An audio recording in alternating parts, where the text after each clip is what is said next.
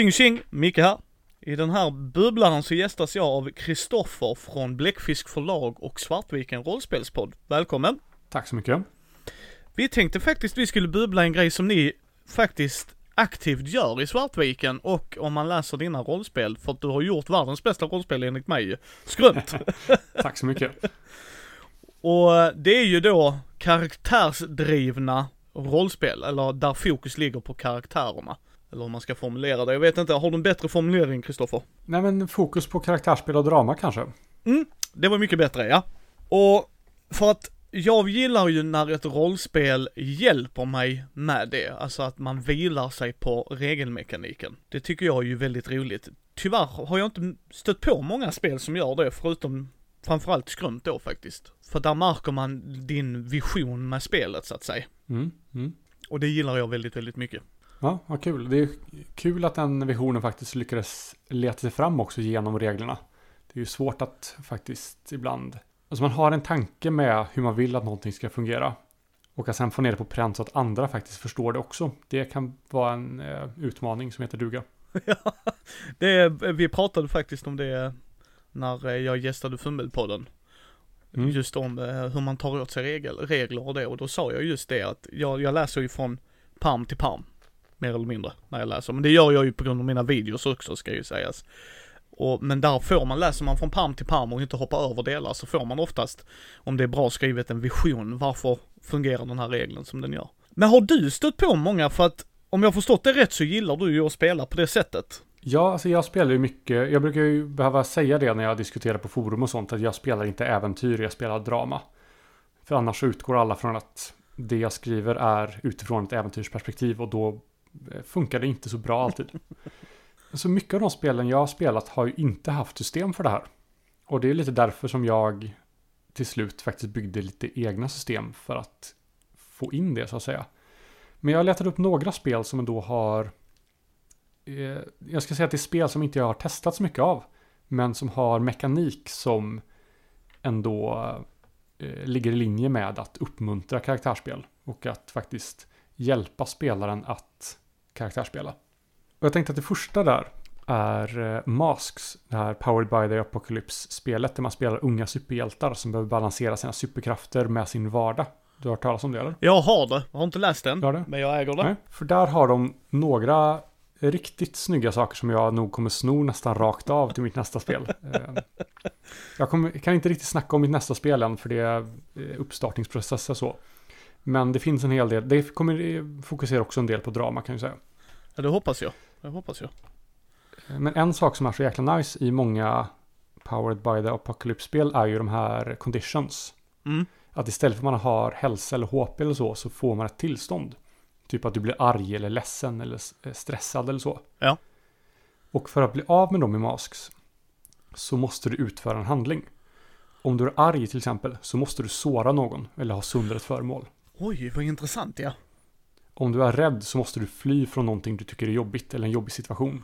Alltså... Vilket gör att du har mekanik som direkt uppmanar dig att ta en, göra en handling i fiktionen. Ja.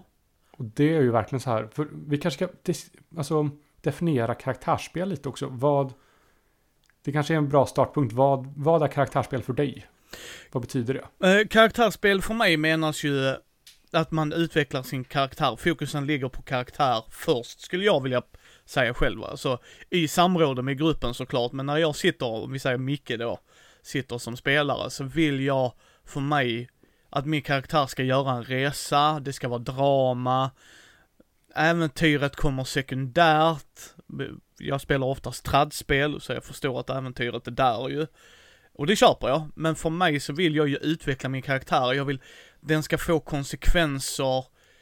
Om vi tar skrön till exempel, att du har det med lugnen och liksom spöket och alla de grejerna, att där är, jag gör grejer för att jag gör dem, inte att jag, och det kan jag, vad jag menar med det är, min karaktär är uppbyggd på ett sätt som, när det kommer i en situation som jag tycker är jobbig eller du vet drama dyker upp, så ska jag kunna hantera det antingen genom att springa därifrån eller alltså att det ska vara en motivation varför jag ska ta i det. Inte, ah, där är en skurk, jag slår honom, nu går vi hem. Alltså att eh, utvecklingen sker på karaktärsnivå. liksom. Ja, men precis. Och, och då menar du inte mekanisk utveckling Nej. som att man får plus ett i, i styrka liksom? Nej, så långt ifrån, så långt ifrån. Ja, inte mekanisk eh, utveckling. Jag har inga problem när jag spelar spel med folk och det blir det. Så, hej, jag tar vad jag får. Men nej, det ska inte vara en mekanisk utveckling utan det ska vara en karaktärsutveckling. Alltså precis som att Micke i verkliga livet har gjort en grej och sen upptäcker han, hmm, jag har förändrats. Mm. Ja, men precis. Jag tycker, alltså den kanske viktigaste grejen med just karaktärsspel när det kommer till regler är att man både uppmuntras och belönas för att man spelar sin rollperson i linje med hur den skulle agera och hur genren vill att man ska fungera. För jag tror man, man ska inte glömma av genre här. Det räcker inte att jag gör det här som min rollperson skulle ha gjort. Utan jag tror det är bra att ta med det här jag gör också det här som genren förväntar sig att min rollperson skulle ha gjort. Spelar man ett skräckspel, så även om jag agerar i linje med min rollperson så kanske det skulle vara att ringa polisen vid första tillfälle. Men tänker man då genren skräck så kanske man tänker att fast är det rimligt för genren också? Är jag en rimlig karaktär inom den här genren så som jag spelar nu? Det håller jag helt med dig om precis. Eller går man ut där när det konstiga ljudet gör och har en halvtaskig ficklampa? Ja men precis, att man faktiskt agerar i linje med vad genren förväntar sig på något vis. Nej, det håller jag helt med. Det håller jag helt med. Och jag, och jag har märkt det, alltså många, många spelsystem, och jag har inte läst alla spelsystem i hela världen så det finns säkert ett liksom. Men, men precis som du säger, jag vill ju att spelreglerna ska uppmuntra mig att göra det. Mm. För att, Man jag, vill bli belönad för det. precis, och att jag har märkt att är spelet konstruerat på det sättet, om vi tar skrön, mina spel har kommit från traditionell bakgrund. Alltså Drakar och Demoner och alla de spelen. Och framförallt två av dem som har spelat ihop i 30-35 år eller vad det är. Och för dem då, att komma in i det lättare är ju när du säger som spelskapare, Kristoffer, det här är premissen. Så här gör ni. Du blir belönad för det som du sa, vilket är jättebra för belöning gillar ju människor. Men det här är ju i, inom ramen av vad spelet vill göra. Och då har jag märkt att de oftast bara, nej nej men det är ju spelet vi spelar. Alltså så är det. Så här fungerar det. Medan men det står i reglerna så vi gör det liksom. Precis! Skulle vi försöka göra det i ett traditionellt rollspel, och det kan man göra, det säger jag inte gott folk. Men kommer du från den traditionella bakgrunden, framförallt skulle jag gissa på, nu killgissar jag här som vanligt. Så skulle, om inte reglerna uppmuntrar det, så visst vissa spelare kan nog ta åt sig, men för vissa så kanske det stannar, för att de inte vet hur de ska göra, eh, de vill ha belöningen fortfarande och vissa tradspel belönar inte dig för det utan yay, du fick plus ett i alla dina stats! Ja, de, de flesta tradspel har väl inga system alls för alltså karaktärsutveckling bortom det mekaniska. Ja, jag tror inte det. Alltså, jag, jag håller helt med dig. Jag, jag kan ha helt fel, men inte vad jag har läst på de senaste åren i alla fall. Och det, det är lite synd tycker jag. Ja, men det känns som att det är någonting som saknas. Vampire och sådär på 90-talet, där var det ju mycket prat om det. Nu har inte jag spelat Vampire på väldigt länge, så jag har lite dålig koll på, på det mekaniska. Men många hävdar ju att Vampire är ett, ett spel om drama och storytelling snarare än äventyr och action. Men jag vet inte hur mycket av det som faktiskt uppmuntras och belönas av systemet. Eller om det är någonting man har klistrat på spelet. För att det är så det pitchas. Tror du inte att det kan vara att de har ställt frågan annorlunda? Vilken typ av drama är det där de får drama? Ja, det är ju drama fokuserat, det får vi väl ge dem med världen och settingen och det. Men är det drama som du sa, alltså med belöningarna, personlig utveckling och det? Nej, Ja, precis. liksom. Mm. Det, det, det skulle jag nog inte påstå, men mycket drama i det. Jag menar vad fasiken när vi spelade Vampire, det var ju inte hack and slash. Det var ju liksom, nu ska du på ett möte med den, nej, i hålet liksom. Och, jaha, nu vill han att han ska göra ett powerplay och sen, jaha, nu var det den tredje som gjorde ett powerplay i skuggorna. Man bara, jo, drama var där ju. Men det var ju inte Mm. att min karaktär fick en personlig utveckling, som du säger, med belöning, utan nu, nu fick du öka celerity. Ding! Jaha, det är fortfarande trädigt. Okej. Ja, men precis. Man spelar drama. In, alltså, spelet hjälper inte att spela drama. Settingen kanske hjälper att spela drama. Precis. Men mekaniken gör det kanske inte. Nej, och jag har spelat alldeles för lite femte för att kunna säga något. Så, så ska jag säga, jag har spelat det en gång än så länge. Ja, Okej, ja, jag har inte ens läst det än, så där kan jag inte uttala mig alls. Nej, precis. Så det, det, ska, det ska vi inte yttra oss om. Så det är kanske där, där de har gjort det, men eh, av tidigare, Vampire jag har spelat så. Och det har fortfarande varit jävligt kul, för det är ett annorlunda sätt att spela, alltså setting att spela i. Men jag har aldrig känt att min karaktär, som du sa där innan, liksom att det är en personlig utveckling, alltså att min karaktär gör någonting. Och det är därför jag älskar att lyssna på er på Svartviken. För att framförallt när du säger, ah Moa kommer inte gilla det här, äh, jag står kvar. och det är det, det jag gillar ju, för du är väldigt tydlig med det Kristoffer. Och Mm. så det blev ju inte hard feelings mellan er, hör man ju liksom, utan bara nej nej, okej, han gjorde det då. Och det tycker jag är leder in till en väldigt intressant grej som man kanske borde ha sagt alldeles alldeles från början. Att karaktärsspel är ingen ursäkt för att bete sig illa som spelare. Nej, Så, hur många gånger har du upplevt det här, en spelare gör någonting taskigt in-game och sen säger, ah, men det var min rollperson skulle ha gjort.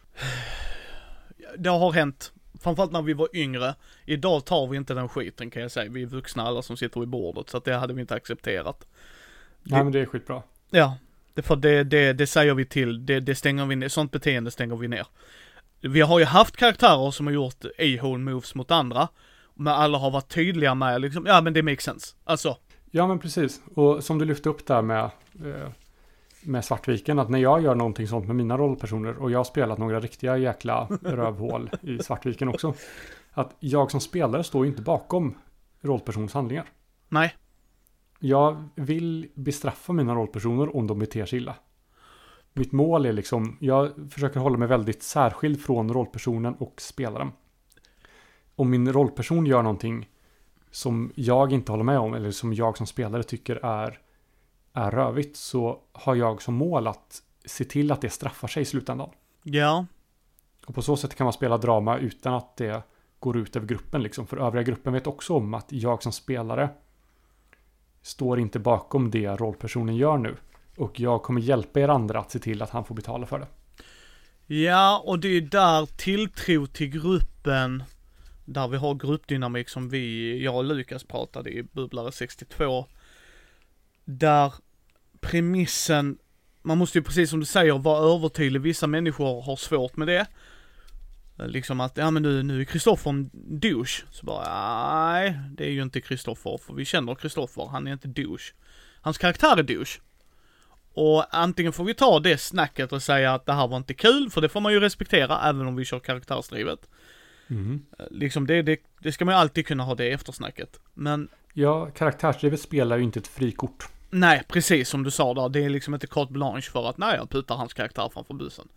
Men det här är också så intressant, för jag skulle vilja säga att det hänger lite på spelledaren där också, för att när jag spelar rollspel så låter jag mina, man kan kalla att jag straffar mina spelare, men det gör jag inte. Men mina, mina spelare, när de gör en grej så får de en konsekvens. Mm. Och den kan vara positiv, den kan vara negativ. Men en konsekvens kommer att hända. Jag brukar säga every action has a reaction. Mm. Och det är inte alla spelledare som gör det av lite olika anledningar. Alltså vissa vill inte döda sina spelare, det skäms inte jag för. Överhuvudtaget. För gör de grejer som alltså verkligen kan göra så att de hamnar i knipa, ja, då kan de dö. Sen, sen dödar jag, alltså förstå, missförstå mig rätt, jag bara, äh, en blixt kommer, Kristoffer dog, så, ny karaktär. Nej. Ja, nej, det funkar ju inte. Nej, men om du går in där, jag går till den största killen i tavernan och eh, hotar honom. Ja!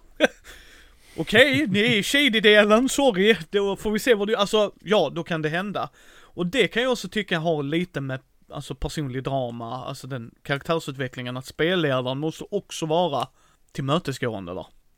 Mm. Och, Ja, och, men verkligen. ja, och förstå som du sa där att det handlar inte om att vara ett a-hole, utan det har med den personliga resan att göra. Och just den personliga resan. För vissa, jag har ju pratat mycket om just karaktärsutveckling. Det är ju det jag brukar gästa poddar och prata om har jag märkt. Att många pratar om att karaktärsutveckling är någonting man upplever själv. Alltså jag märker hur min rollperson förändras. Det är min upplevelse liksom. Och att därför funkar inte den sortens karaktärsutveckling i rollspel för den är så personlig. Men det som är så intressant är ju att all sån utveckling ska ju ha manifestationer i handlingar. I början av en berättelse så beter jag mig på ett, ett sätt. Och mitt beteende är ju det som skapar drama. I slutet av berättelsen så har jag förändrats, visserligen inombord. Men det har ju påverkat mina handlingar. Vilket leder till andra handlingar. Ja, och spelar man på rätt sätt så gör man som ni gör i Svartviken, att man har en inre monolog eller förklarar. Att nu, eh, det var, du körde väl Assar i Afea va? Ja, precis. Ja, att Assar, nu väljer han att göra så här, jag ska inte spoila något för folk som lyssnar, men liksom att det var en punkt där du börjar beskriva mer, och varför. För det är också ett Mm. sätt man kan ta bort stigmat från det lite, eller det låter jättedumt, men du förstår vad jag hänger med lite vad jag menar va? Att, Ja, men verkligen. Det lyfter också fram att jag som spelare inte står bakom det här. Och att det finns en plan att det kommer inte alltid vara så här om jag beter mig dåligt pre- precis, utan då var det liksom att nu gör Assar så här, och här är så han har tänkt, och här är varför. Och då bara man, ja men det makes sense. För att då som du säger, det blev väldigt tydligt i vilka premisser som Kristoffer håller i trådarna och vad, vad du känner liksom. Ja, men precis. Och du och Lukas pratade ju i avsnitt 62 där lite om det här med att spela outsiders eller den här mörka personen som är mystisk och som inte riktigt passar in i gruppen. Ja, Rafael som han sa där i Turtles-exemplet. Ja, men precis. Och det som är så intressant där just om man har det här perspektivet att rollperson och spelare är helt olika. Är att rollpersonens mål är att förbli mystisk och hålla sig undan. Mitt mål som spelare är att se till att han inte är det. Mitt mål som spelare är att se till att den här rollpersonen som är en outsider som inte passar in i slutändan passar in i gruppen. Det var ju hela Batras karaktärsark i eh, Coriolis till exempel, i Svartviken. Ja. Att vara en i, i gänget där så att säga, en i crewn. Ja, men precis. Att bara för att man börjar spela en outsider så betyder det inte att man är fast i den rollen.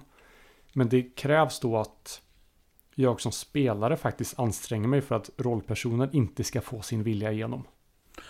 Precis, alltså att inte hamna i, som jag brukar kalla mellanmjölksläget. Att, nej men jag tar alltid mellanmjölk till kaffet så nu kör vi det.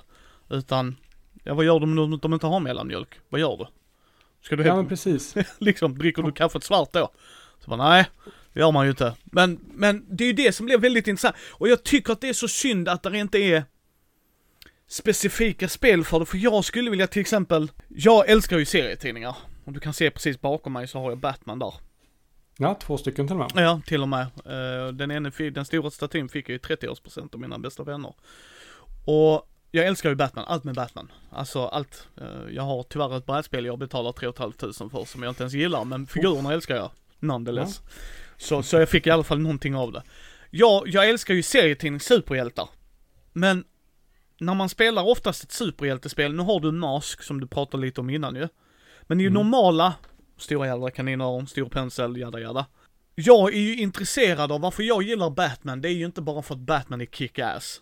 För det är han, det tycker jag. Men det är ju att hans personliga, han har ju personlig drama, han har inre strider, han gör inte vissa grejer, han går inte över en viss gräns, men du ja, jäklar vad de pressar honom. Alltså verkligen att du vet, han får ta moraliska dilemmor och sådana grejer. När vi spelade superhjältar så var det ju den biten jag pushade. Men systemet jag använde promotade inte det alls. Ja, okej. Nej, utan vi körde ju den Mutant and Masterminds. Det fungerar för om ni vill köra superhjältar och det, absolut, systemet fungerade, vi hade ju kul. Men jag vill ju ha ett system, vilket jag som återigen, vi kommer tillbaks till skrönt, för det fick verkligen så här, det här är vad jag har letat efter. För att där var ju dina regler hela tiden så här att ni uppmuntrar varandra, alltså att det här är verkligen personlig drama. Och det gjorde Den vita natten också av Gabriel de Boer också.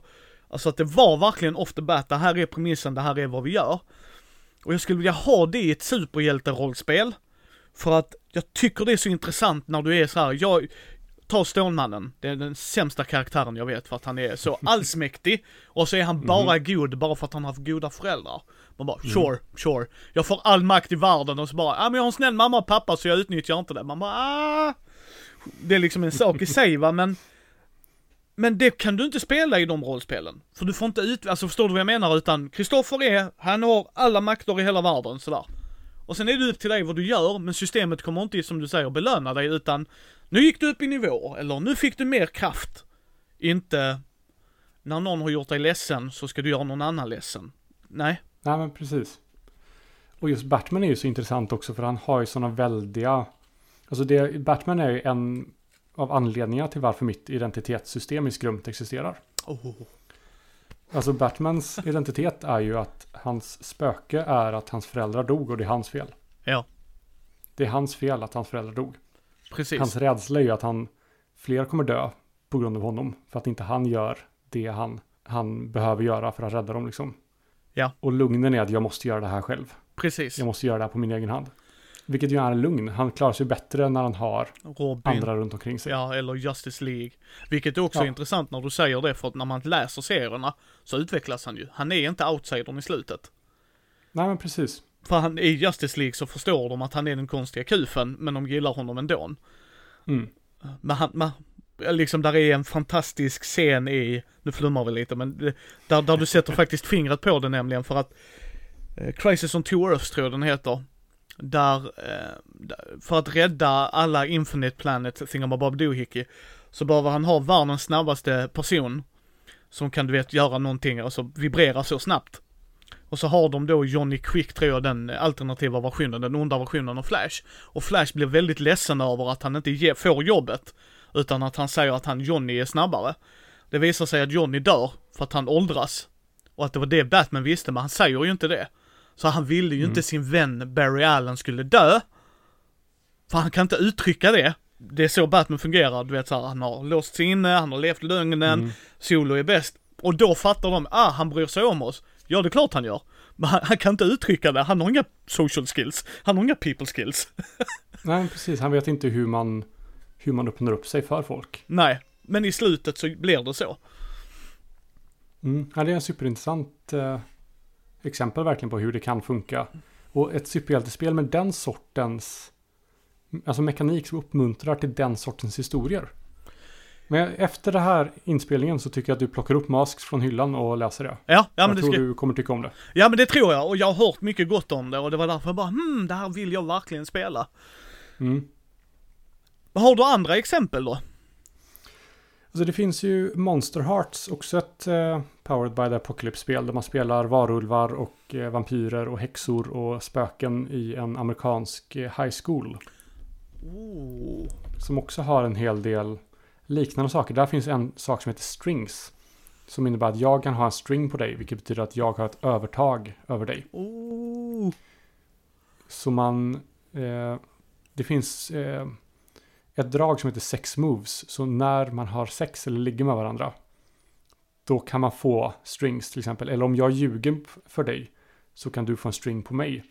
Och den här Ah. strängen kan du sedan utnyttja eller använda för att få mekaniska fördelar. Det är ju intressant. Det är ju väldigt intressant. Och då kan man när man sitter runt bordet faktiskt sätta upp alltså fysiska trådar mellan varandra av garnnystan olika färger för att representera att jag har en sträng på dig. Och när man använder den så klipper man av den. Det är ju väldigt, väldigt intressant. Alltså det är ju, snacka om bra drama. Mm, men det blir väldigt så, man verkligen manifesterar de här strängarna i, i vår köttvärld så att säga med faktiska trådar. Men pre- precis, precis. Och det är ju, sånt, sånt gillar jag personligen för att jag tycker ju det blir roligast när karaktärer interagerar med varandra ju. Ja men verkligen. Och det är också, alltså karaktärsspel är ju som intressantast i relation till andra personer. Precis, precis. Annars faller det ju Och- platt ju, så att. Ja men verkligen. Och i de här relationerna till andra personer så är det oftast konflikter som är det intressantaste. Ja. Och där, alltså jag upplever ju ofta att konflikter har en tendens inom rollspel att bara eskalera och eskalera. För ingen vill anse sig vara, ingen vill backa undan, ingen vill förlora konflikten. Så många, framförallt traditionella grupper, om det blir bråk så kommer det sluta med att någon rollperson dör. Vilket gör att man, kan, man har inte råd att ha bråk i gruppen.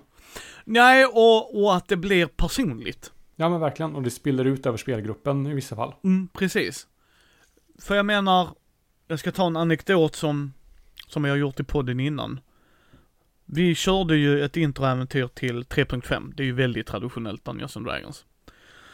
Och vi mötte pirater, för vi hade en by då och våra skepp kom aldrig fram. Så de skickar ut oss då, klassisk trope du vet. Kolla, lös problemet plebs. Gå bort, begunsiten. Och vi möter pirater. Ja, vi möter några pirater, vi tar dem till fånga. Så visar det sig, du vet, de har tagit hand om fyren och så gjort en fyr som är närmare stranden så båtar går i grund. Men spelledaren tyckte jag förmedlade, shoutout till Oliver där, när han läste så läste han med en inlevelse i hur de hanterade fyrpersonalen. Alltså det var verkligen så här besinningslöst mord. Verkligen inte du vet så här kicka bort dem eller så här, de mördade dem. Och då har vi en som vi har ki- alltså, kidnappat, så här, vi har fångat en av dem. Och min karaktär, han blev så arg. Så att han var, nej men den piraten ska dö. Alltså det här, det, du vet, tand för tand. Mm. Och då hamnade vi i ett läge där de ville hindra mig. Och vi hade ändå drama utan att vi visste om det tror jag. Och det är en av de gångerna där det inte har spilt över. För att då lyssnade de och jag förklarade för de andra, för det var jag som hade gått in i fyren och sa det liksom att mamman ligger, alltså precis, ungen har bara blivit så här kastad som en vante i, alltså så totalt respektlös som helst. Och han bara, ja men det var inte jag, du vet det var de andra och jag bara, det, det, det duger inte, du kunde sagt ifrån. Alltså du vet så här, min karaktär börjar, du vet, gå på den vägen. Så han, Mm. han ska dö. Och, och det ville inte de andra för du vet det är lag och ordning och jada jada och allt det där. Men till sist så hörde de vad han sa, alltså min karaktär, så de gick ju inte och trodde min karaktär var en mördare utan de förstod ju varför min karaktär reagerade som de gjorde. Mm. Men hade vi inte haft den gruppen så hade det kunnat spelas över att nej men jag är lagens väktare så att nu ska jag haffa dig om du dödar honom och så bara Yay, det här blir ju bra rollspel. Verkligen. Jag tycker den effektivaste, det effektivaste verktyget jag har för att skapa konflikter inom, inom gruppen just är att gå över en gräns och sen ångra sig. Att man, man säger någon, man har en konflikt och man går över den här gränsen som, som en outtalad gräns som alla vet den här, man pratar inte om det här. Om vi spelar, låt säga, ur varselklotet och du bara är med i vår grupp för att vår någons mamma har sagt att du ska få vara med och leka. Ja. Och vi bråkar om någonting och jag säger men du är inte en del av den här gruppen, du är bara med oss för att mamma säger att du ska få vara det. Ja. Och sen direkt bara, fan shit jag menar inte förlåt. Alltså just den här, man går över den här gränsen som ingen får gå över. Och direkt back undan, ångra sig och be om ursäkt. Det är det mest effektiva sättet jag har upplevt i rollspel för att skapa drama och intressanta, alltså intressant karaktärsspel mellan rollpersoner. För du kommer ju inte kunna godta den ursäkten, eller hur? Nej, det hade man ju inte gjort. Det hade ju varit ett övertramp. Det kommer man ihåg när man var i den åldern ju. Liksom att det hade inte varit okej. Men jag har också backat tillbaka och bett om ursäkt och ångrat mig. Så vi kommer inte eskalera den här konflikten längre. Nej. Den stannar där. Men den har också lämnat ett R mellan våra rollpersoner. Ja. Det är ett blödande sår där verkligen. Jag sa det här som ingen får säga. Alla tänker det, ingen säger det. Jag gick över gränsen. Precis. Nu kommer hela vår relation vara svartad av det här. Jag kommer vara ledsen för att jag har sårat dig. Du kommer vara arg och ledsen på mig. Vi kommer fortfarande hänga ihop i gänget för det gick inte så långt att man kapar banden. Nej. Men vi har hela tiden, det ligger hela tiden moler i bakgrunden. Och Ja. där har man ett perfekt grund för karaktärsspel och drama. Precis. Och, och det är det som är väldigt intressant. Det, det blir precis som du sa, man backar och säger ursäkt direkt. Mer eller mindre ja. Ja, precis. Och om man kollar både tv-serier, filmer och böcker. Så fort det är ett bråk mellan två karaktärer nästan. Så är det någon som säger någonting som är att gå för långt. Antingen rusar ut, det vill säga det eskalerar. Eller ångrar sig, det vill säga det eskalerar.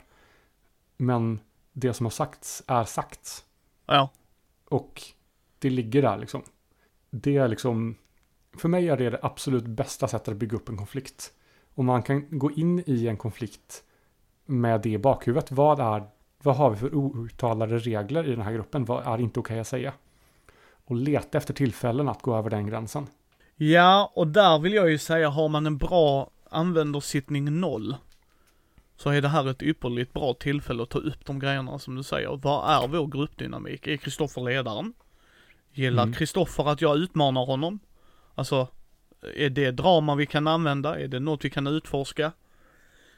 Och, ehm, nej. Och, jag, och en grej jag gillade i Skrumt, det är också så intressant att folk tror att du bara kan göra en positiv karaktärsutveckling. Inte alla folk, det förstår jag. Men man tänker sig, du vet, att det klassiska i rollspel är att jag går från nobody, nolla och sen blir jag bättre och bättre eller, ja du vet sådär. Mm. Medan du tar ju ändå upp, nej nej, du kan gå ännu djupare om du vill. Att du börjar på halvtaskigt läge och sen Mhm. bara förstörs.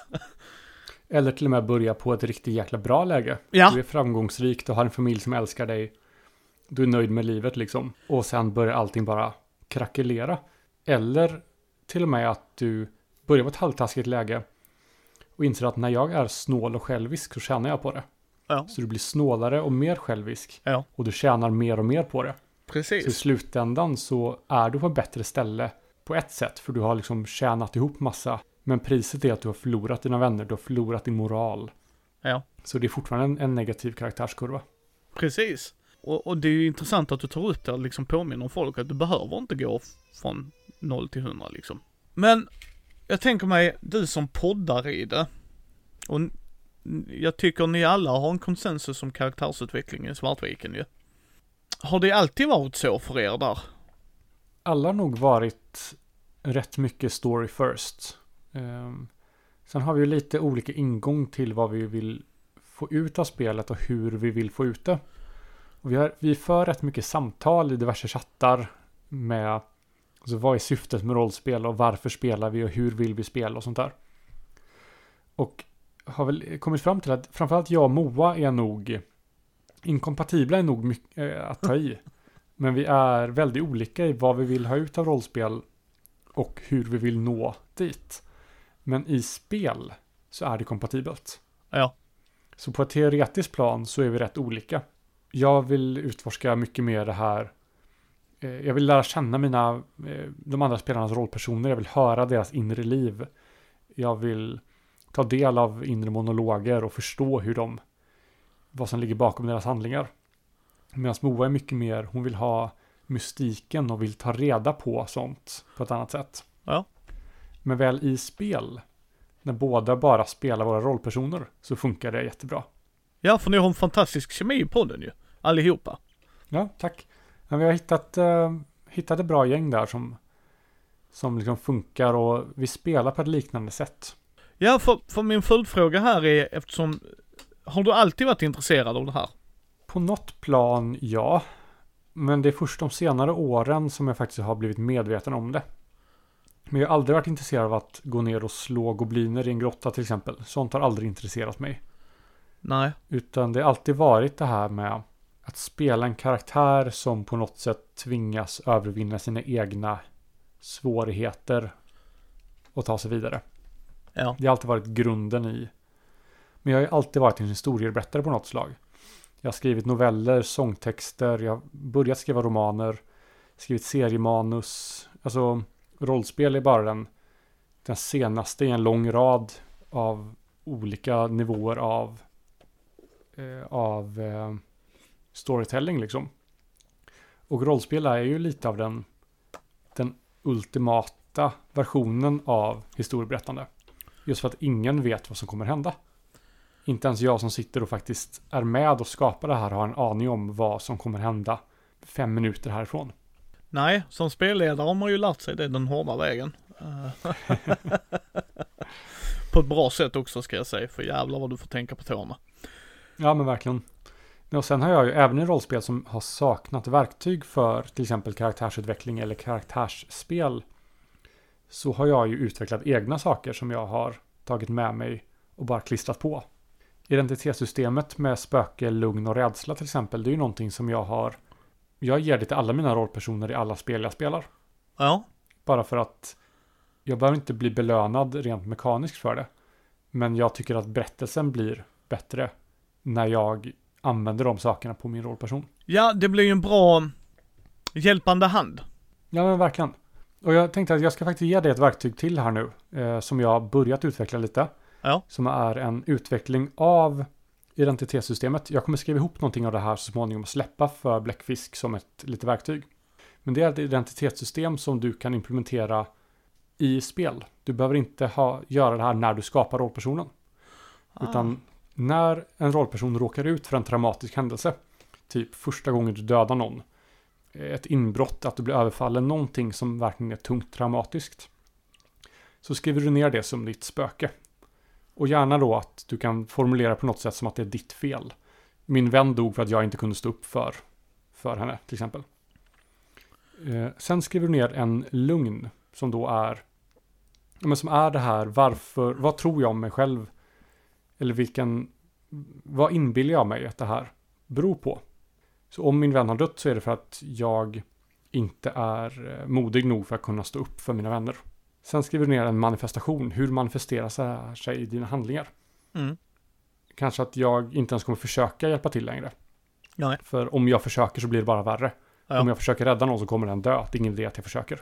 Nej. Och sen skriver du ner en lösning. Vad krävs för att du ska komma vidare? Åh, vad fascinerande. Ja. Så du tar de här fyra delarna och skriver ner dem. Och sen har du liksom ditt mål med det här är att du ska övervinna lugnen och inse att den inte är sann. Precis. Och du gör det genom att nå lösningen. Ja. Och den kan du bara ta och implementera så fort någonting tungt händer. Så det blir ett, ett litet sidequest i den större berättelsen som hamnar på en väldigt personlig nivå. Ja. Det, det är väldigt, väldigt bra tips Kristoffer. Väldigt, Ja, väldigt. tack så mycket. Det, det gör ju att du kan sätta det precis som du säger, mer eller mindre i vilket system som helst. För att det är bara där personligt. Precis. Och att du skriver ner hur det här manifesterar sig i handlingar gör också att det påverkar de andra rollpersonerna. Det blir ingenting som du bara har i huvudet utan du, du skriver ner hur det här har effekter i gruppen. Mm. Och du planerar också ut vad som krävs för att du ska ta dig ur det här. Ja, precis. Vilket gör att du då kan be de andra spelarna att hjälp mig komma ut ur det här genom att titta på min lösning och försöka dynamiskt och logiskt i berättelsen nå hit. Ja, och det blir tydligt för de andra med. Eh, på ett bra sätt, på ett väldigt bra sätt, att det inte blir eh, känslor och... För, för du var lite inne på det där att det kan spilla över och jag tycker det är väldigt synd. För här, här tror jag också, jag vet inte, jag antar att ni pratar om det som du säger i olika chattar och med varandra, framförallt i Svartviken, men jag tror även i förlaget mellan, för att ni gör ju olika produkter i Bläckfisk förlag ju. Mm. att varför spelar vi rollspel är ju lika viktigt där. För om du spelar Mhm. för att det är karaktärsdrivet och jag spelar för att jag vill köta goblins.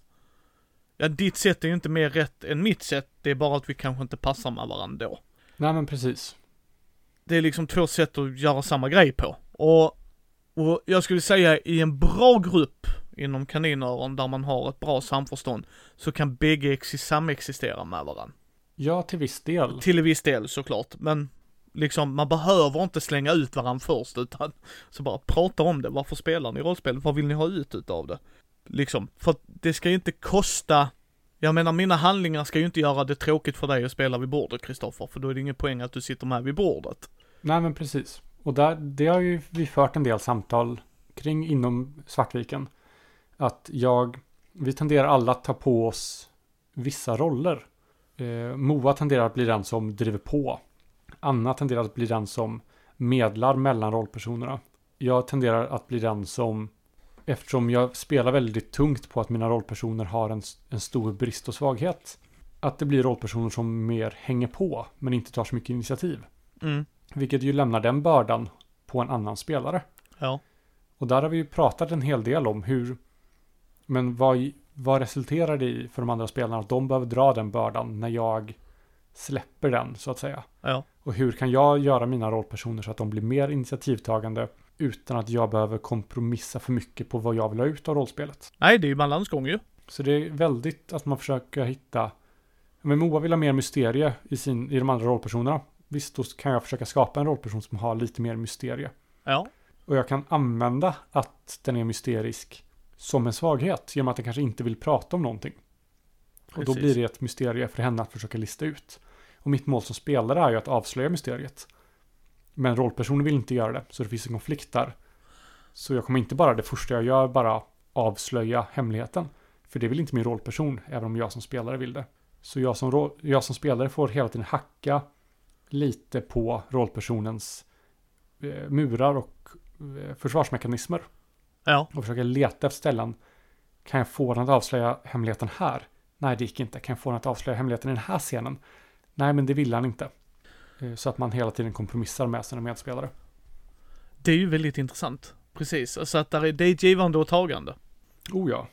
Och, och där tycker jag ett bra system ska hjälpa er. Ja, verkligen. Det är svårt att eh, tänka sig riktigt hur sånt skulle funka. Abs absolut, och, och det kanske inte är systemet i sig, utan bara att boken berättar det också, för att ibland behövs det. Och framför Mm. allt vill jag säga varför. För att även om du och jag kan sitta och spåna här och någon lyssnare kanske kommer till insikt att förresten det är ju så jag vill spela. Så om vi antar att, nu killgissar vi här, det får vi göra lite ibland i Mindypodden. Men vi säger att majoriteten som spelar rollspel, som köper väldigt mycket rollspel och hänger på alla de mainstream, kaninöron, en stor pensel, forum, är tradspelare. Mm. Om vi antar det. För jag menar, du har Indieforum, du har OSR-forum, jag ska inte förminska dem alls. Men de vet lite vad de går in på. Alltså de sitter ju på ett OSR-forum för att de gillar OSR. Antagligen. Ja, men precis. Medan då tradspelarna, som jag själv är stor del fortfarande, men vill utvecklas och utmana mig själv, kanske behöver den knuffen att sp- sp- spelskaparen förklarar att det här kan vara premissen. Liksom, att man inte bara, här Kristoffer, hoppa här nu, Whee! Ja, det gick inte bra, du landade rätt i klipporna, Aj då. Eh, förstår du lite vad jag menar? Så att, bara själva boken skulle jag önska att skulle ta upp det mer för att det är väldigt intressant Mm. syn och se det på att den ene behöver inte utesluta den andra. Alltså, Nej, men verkligen.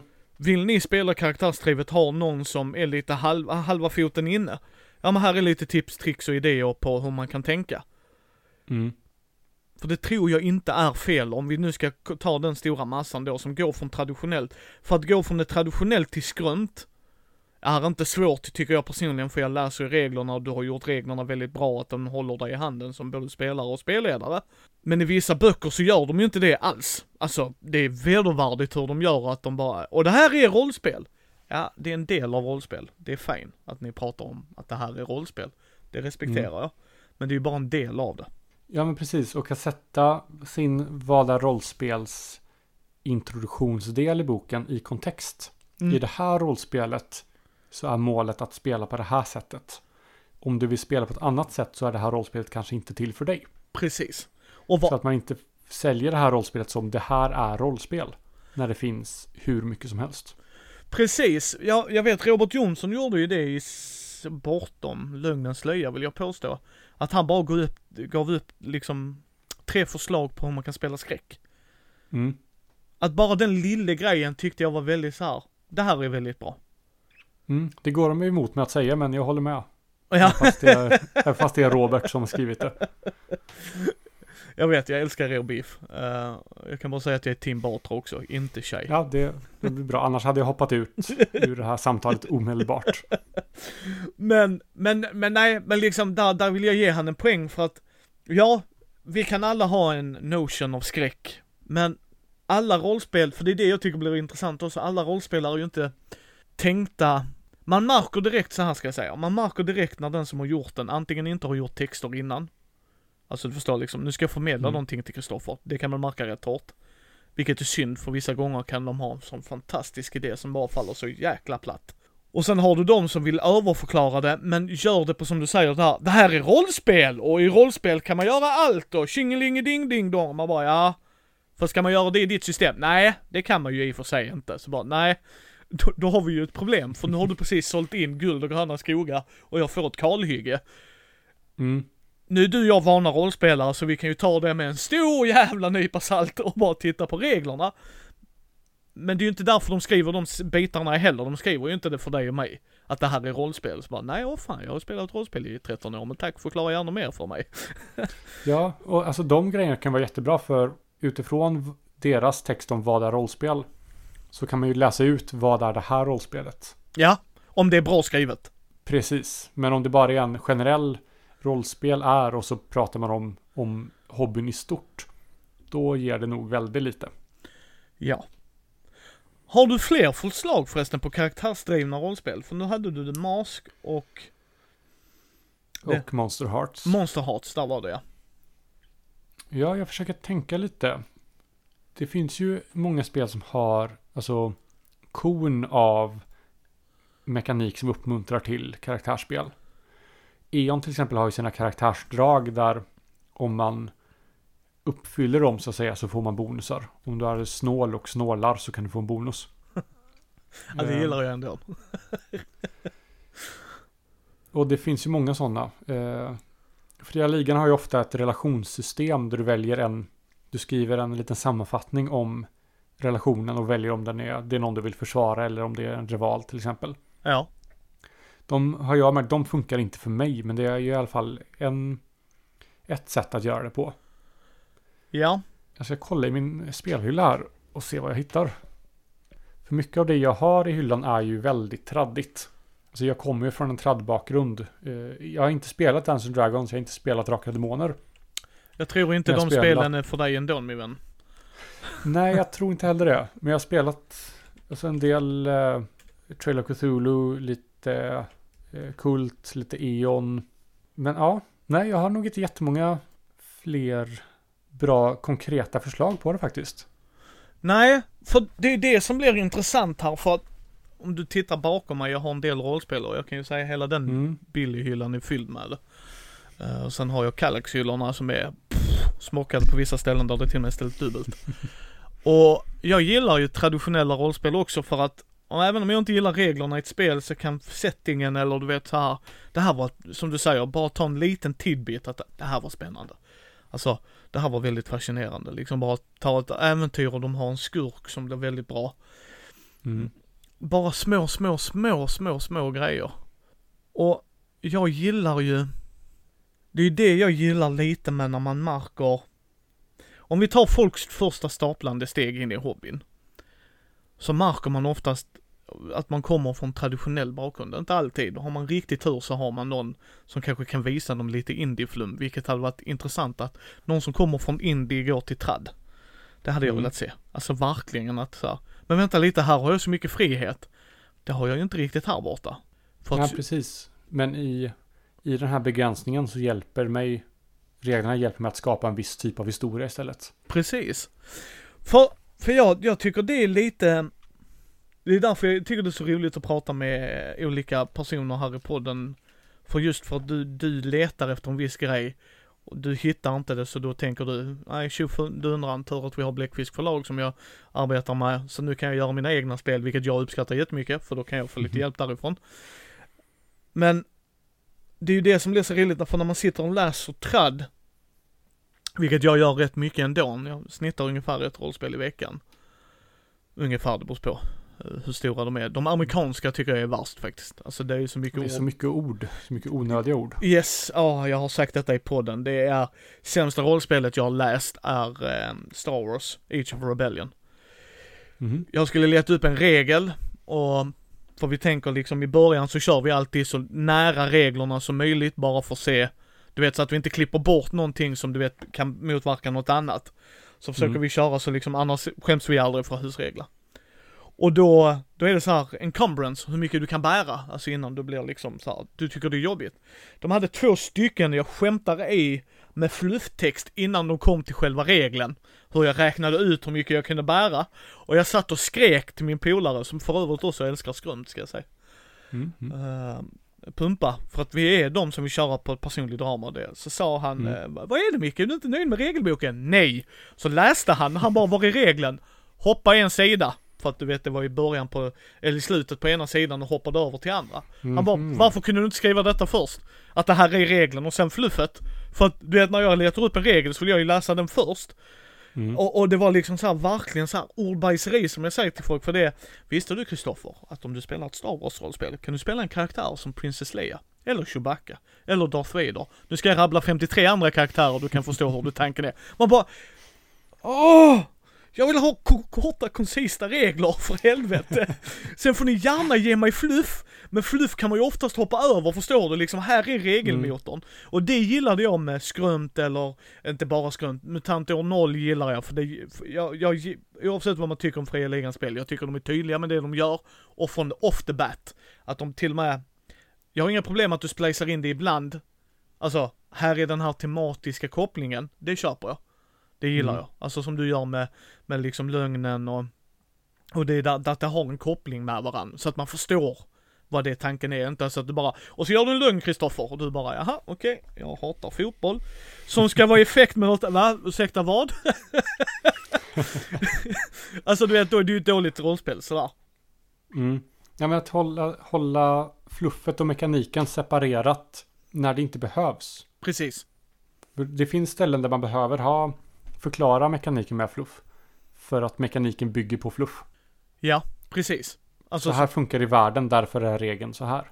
Precis. Men att bara ha allmänt fluff som inte har något syfte i kombination med mekaniken. Det, ja, där har det ett helt avsnitt i sig att prata om hur man lägger upp eh, regelböcker. Ja, det hade varit jätteroligt att ha hela Bläckfisk förlag på den, det avsnittet faktiskt. Ja, pratigt. Pratigt avsnitt. Ja, och just på, på, på, med tanke på hur ni skriver olika rollspel. Mm. Och har väldigt olika åsikter om hur eh, sånt här ska läggas upp ibland. Ja. Nej men det är liksom, jag, jag skulle vilja se mer av det. Som du. Mm, och jag håller med. Det känns som att det saknas. Det, det läggs för mycket ansvar på spelgruppen att ta hand om den delen själv. Om spelgruppen vill ha någon, alltså vill syssla med karaktärsspel. Så känns det som att många spel bara utgår från att, ja men, karaktärsspel och sånt där, det är det som händer mellan, mellan tärningslagen eller mellan mekaniken. Snarare än att använda mekaniken för att hjälpa gruppen att karaktärsspela.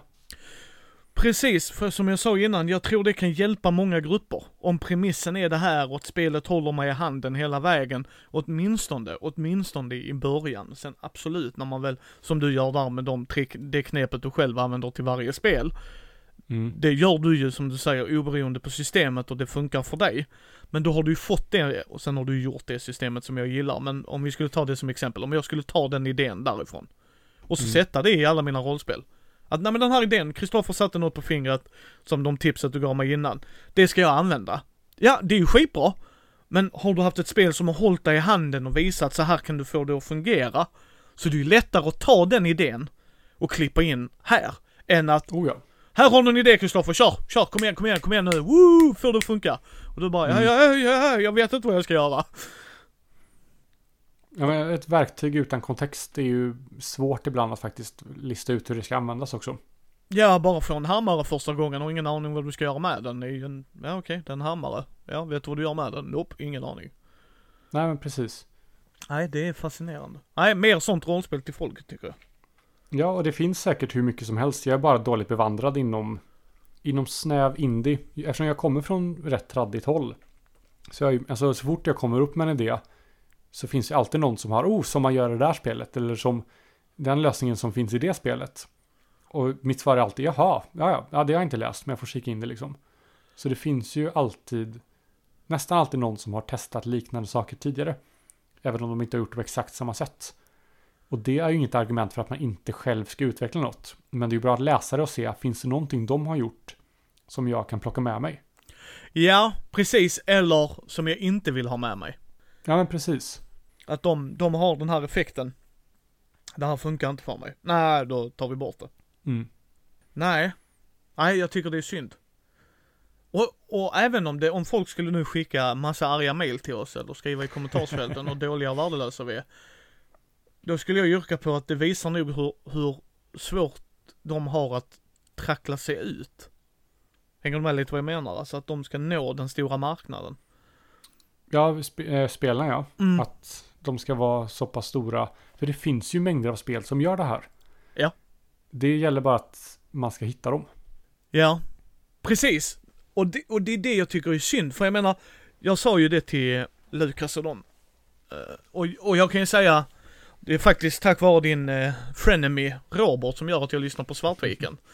Ja, ja, då får jag tacka Robert för en gångs skull. Ja, för en gångs skull. Uh, men jag menar vad fan, Haleys kommer ju, vad är det, 177 år så att någon gång ska något hända. ja, jag gillar dig Robert, jag gillar dig jättemycket. Eh, men, där, jag pratade med Fummelpodd-killarna. Jag lyssnade ju på Fummelpodden, det var inspiration till Mindy, det har jag sagt. Mm. Eh, I alla fall rollspelsdelen, för att där var det vänner som pratade rollspel och hade olika syn att se det på. Uh, och där började de prata indiespel, sen fick jag, kom jag i kontakt med Wilhelm Persson. Och har man läst hans spelsystem, vilket jag älskar, så är det inte det ena det andra likt. han, han, har liksom inte så här, aha det är ett Wilhelm-spel, utan när man tar upp det här, Wilhelm Paus som har gjort det, ja så vad spännande Wilhelm, hoho vad roligt detta var. Men där pratar man liksom om indievågen, och, och han är så inne i indie, eller har varit eller är. Samma sak med Fummelpodd-killarna Lukas, Edvard och David, att de provar mm. du vet. Men om inte jag hade lyssnat på den podden då? Och jag har bara spelat Dungeons and Dragons. För det är många som gör det, jag menar, det har jag sagt i podden innan också, en som är med i varannan tisdagsgruppen, Anton, hans fru, trodde rollspel bara var Dungeons and Dragons. För det var hennes, det är det folk har hört talas om, och hon gillar inte fantasy. Mm. Nej, då kommer du inte gilla Dungeons and Dragons.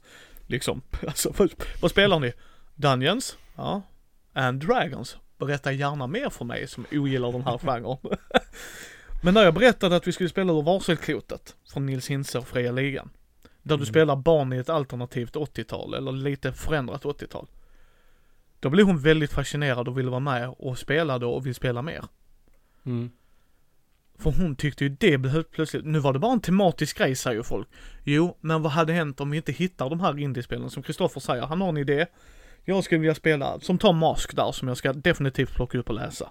Som gör att jag får de tunga drama som jag vill ha i mitt superhjälterollspel. Om inte du hade sagt det till mig eller jag går in på SF-bokhandeln eller din valfria rollspelsbutik vad du köper. För det är inte så jävla lätt att googla sig till vill jag fortfarande påstå. Nej, alltså vet man inte vad man letar efter så är det ju svårt att, att hitta det. Precis.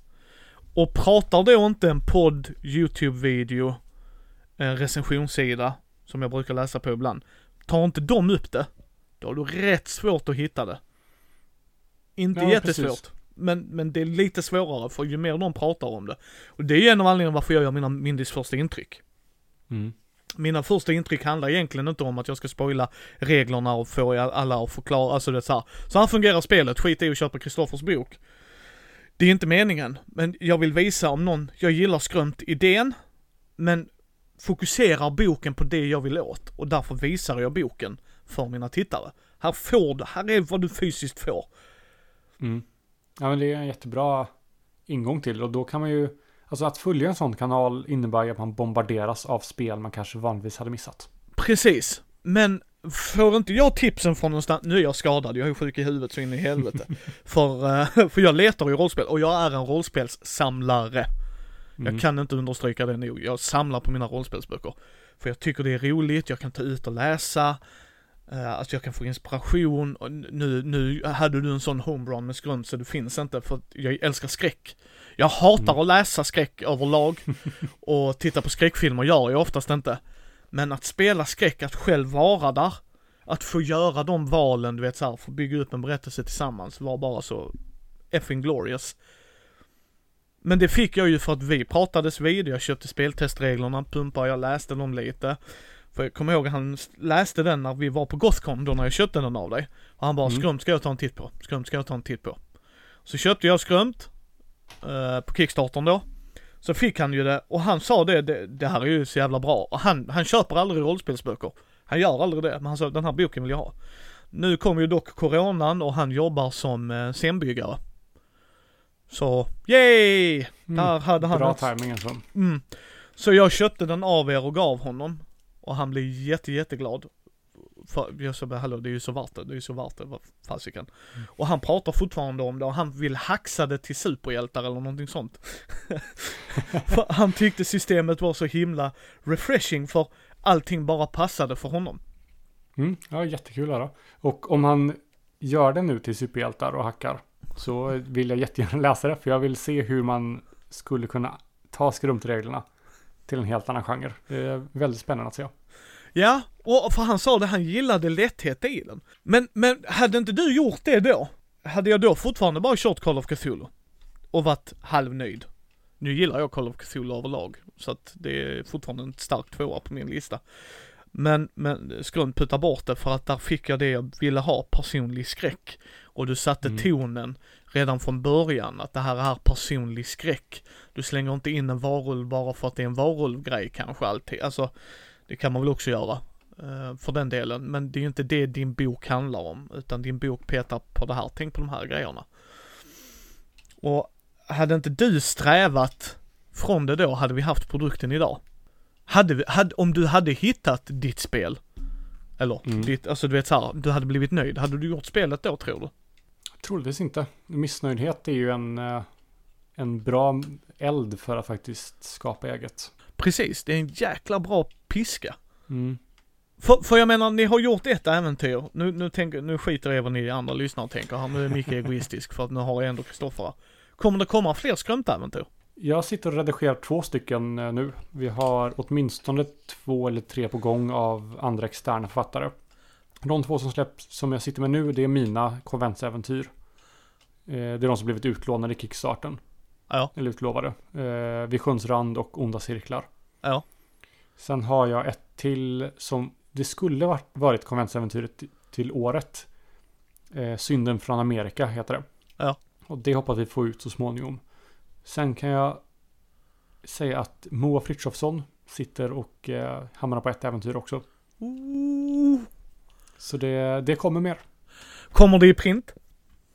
Ja, det kommer på samma sätt som eh, Den vita natten. Ja! Samma, eh, samma modell liksom. Ja. Jag kan faktiskt säga så här, återigen, nu, nu får ni ursäkta mig lyssnare för nu gickar jag ut här. Eh, jag har eh, en annan podcast, Speljävlar. De pratar mycket brädspel och så, men han, en av de killarna där, Johan, han sa jag vill prova lite mer rollspel. Första gången så provade vi Dungeons and Dragons. Det var inte riktigt hans stil, han gillar inte strider jag bara äntligen någon som fattar att strider inte alltid är så jävla kul. Eh, Jag har inga problem med strider i rollspel alls. Om det är av vikt. Om det är slutbossen eller du vet, jag ska rädda byn. Inte, nu går vi in i den här grottan, nu, aha, stab stab. Nästa rum, Mm. stab stab.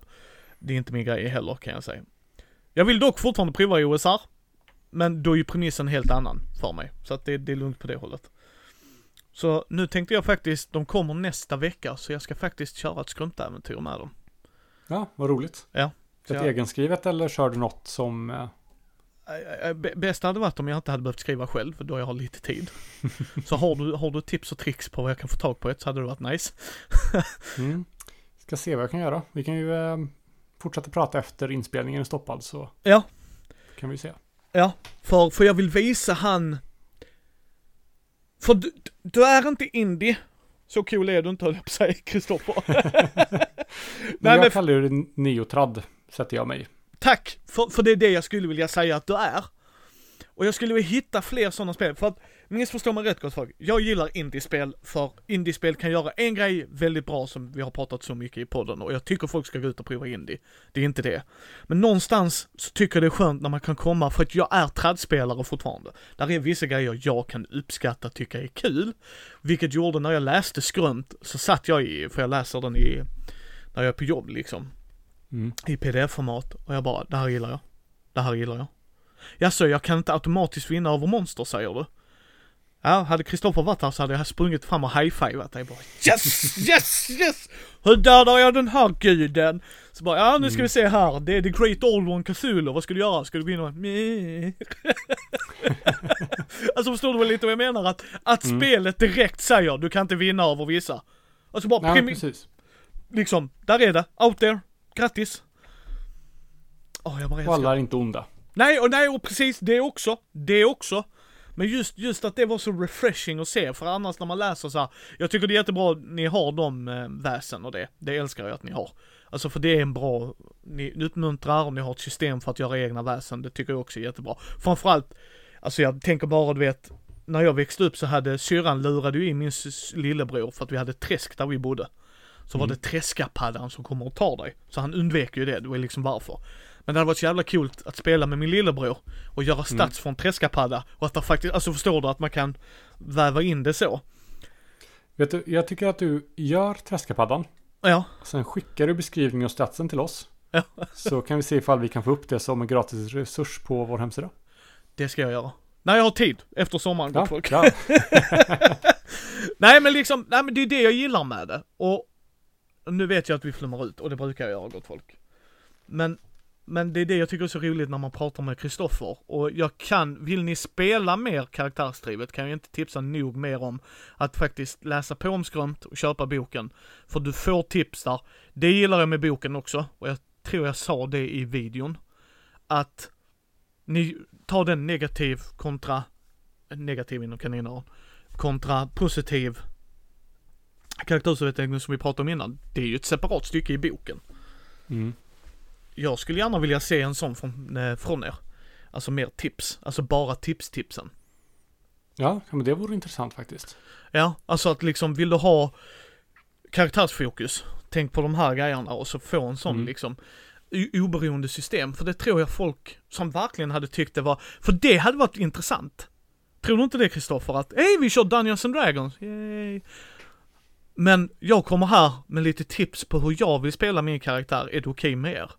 Mm. Alltså jag håller ju, det är ett långtgående projekt, men jag har ju ett eget dokument nu på Google Drive som jag kallar för min, eh, vad är det jag kallar den, typ verktygslåda för rollspel och sådär. Ja. Där jag skriver in alla tips och tekniker jag har för hur jag spelar rollspel.